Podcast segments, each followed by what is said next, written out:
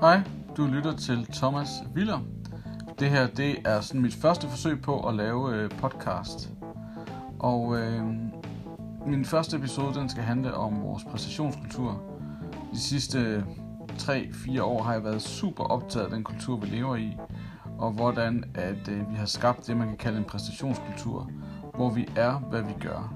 Og vi får vores værdi og vores syn på os selv og vores egen værdi ud fra, hvordan vi præsterer.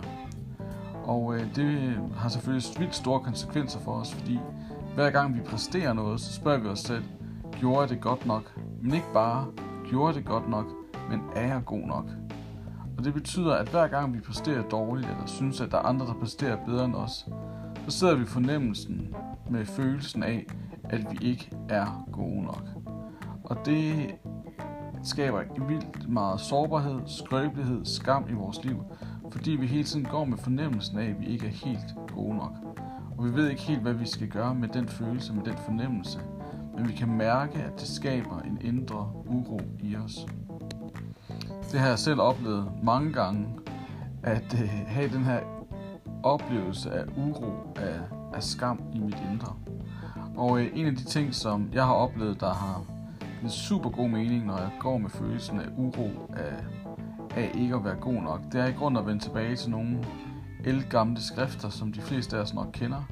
Øh, nemlig nogle af de skrifter, der er i Bibelen, øh, som på en eller anden måde kan hjælpe os til at spejle os selv i, hvem vi er.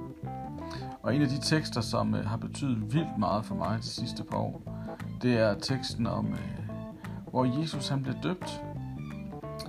Og øh, udenbart er det måske en lidt mærkelig fortælling, at øh, Jesus han går hen til sin fætter Johannes og siger, at han gerne vil døbes. Og øh, i det han, Johannes døber ham, putter hele hans krop ned i floden, og han stiger op igen, så lyder der en røst fra himlen, som siger, dette er min elskede søn, i ham har jeg fundet velbehag. Og øh, det er Gud, der siger til sin søn, du er min elskede søn, jeg finder velbehag i dig. Og øh, det er før Jesus har gjort noget som helst. Han har ikke performet noget mirakel. Han har ikke gjort alle mulige ting. Han har ikke levet op til alle mulige øh, krav og forventninger til ham. Han har intet gjort, men alligevel siger Gud, du er min elskede søn. Og det, som gælder for Jesus, det gælder også for dig og mig. Så det vil sige, at når Gud han ser på dig, og han ser på mig, så siger han, du er mit elskede barn, og jeg finder velbehag i dig. Og det er før vi gør noget som helst. Og også efter vi har gjort noget, som vi selv måske er tilfredse med. At Gud han elsker os, ikke på grund af hvad vi gør, men fordi vi er. Og tænk engang, hvis vi kunne begynde at tro på det. At vi er elskede, ikke fordi vi præsterer noget, ikke fordi vi gør os fortjent, men bare fordi vi er, så er du elsket. Du er elsket af Gud. Hvis du overvejer tro på Gud, eller hvis du allerede tror på Gud, så er sandheden, at du er elsket.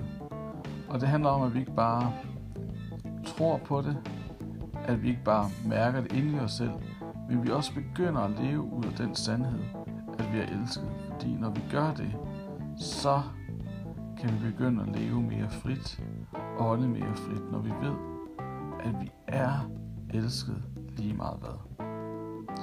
Så jeg beder for, at du må få lov til at opleve, at du er elsket, at du i dit indre må få lov til at tro på, at du er elsket, men også at du må begynde at leve ud af, at du rent faktisk er elsket og er allerede god nok.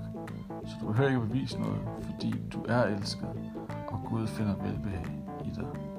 Tro på det. thank you